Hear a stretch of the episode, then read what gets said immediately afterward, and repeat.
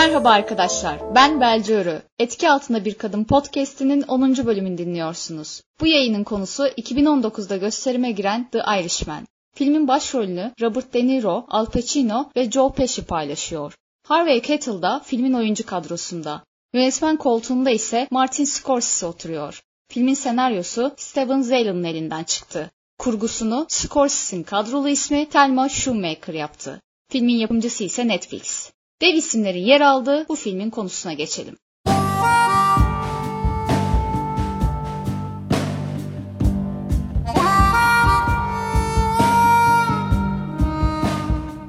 Frank Sheeran'ın hayatı etrafında İtalyanların hakim olduğu yeraltı dünyasından manzaralar izliyoruz. Kamyon şoförlüğü yapan Sharon'ın bir tesadüf eseri yolu Russell Buffoline ile kesişince mafya tetikçisi oluyor. Kendi tabiriyle boya badana işlerine girdiğini de söyleyebiliriz. Sonrasında ise Russell'ın tavsiyesiyle Amerikan İşçi Sendikası lideri Jimmy Hoffa'nın en büyük koruyucusu ve destekçisi oluyor.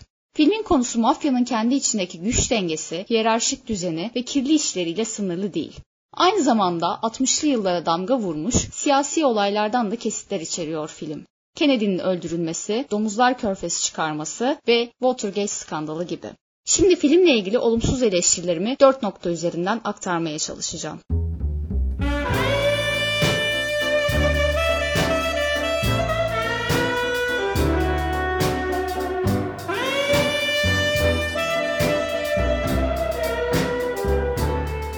Üzerinde en çok durulan nokta malumunuz üzere Pesci ve De Niro'ya uygulanan gençleştirme tekniği. Maalesef De Niro'ya uygulanan gençleştirme tekniği oldukça sırıtmış. Aynı zamanda De Niro'nun performansına da olumsuz yansımış. Çünkü kendisinin vücudu hareketlerini kısıtlıyor gibi. Yüzüyle bedeni arasında da bir uyumsuzluk mevcut. İkinci sırada ise filmin süresinin uzunluğu var. 3,5 saat böylesine geveze bir film için çok uzun bir süre. Su nerede inek içti, inek nerede dağa kaçtı, dağ nerede yandı bitti kül oldu tekerlemesine benzemiş film bir noktadan sonra.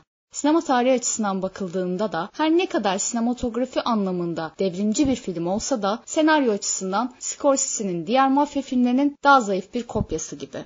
Filmin aslında dramatik kurgusunda Hoffa'nın akıbetiyle ilgili en önemli sahnede o gereksiz gelgitler ve karmaşa nedeniyle ezilmiş.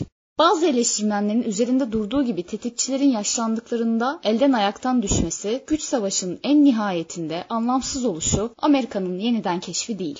The Godfather'dan tutun da Scarface'e kadar birçok mafya filminin alt mesajı budur. Filmin son sahnesinde kameranın yaptığı hareket de bu mesajı vurgulamak için göze parmak sokmuş adeta.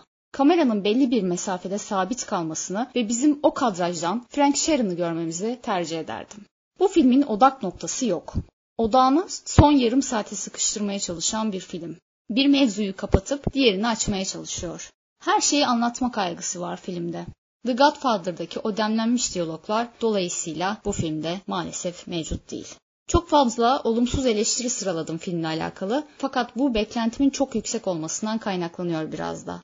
Hem ekibe hem harcanan zamana hem de paraya baktığımda bu beklentiyi benim için karşılayamadı film.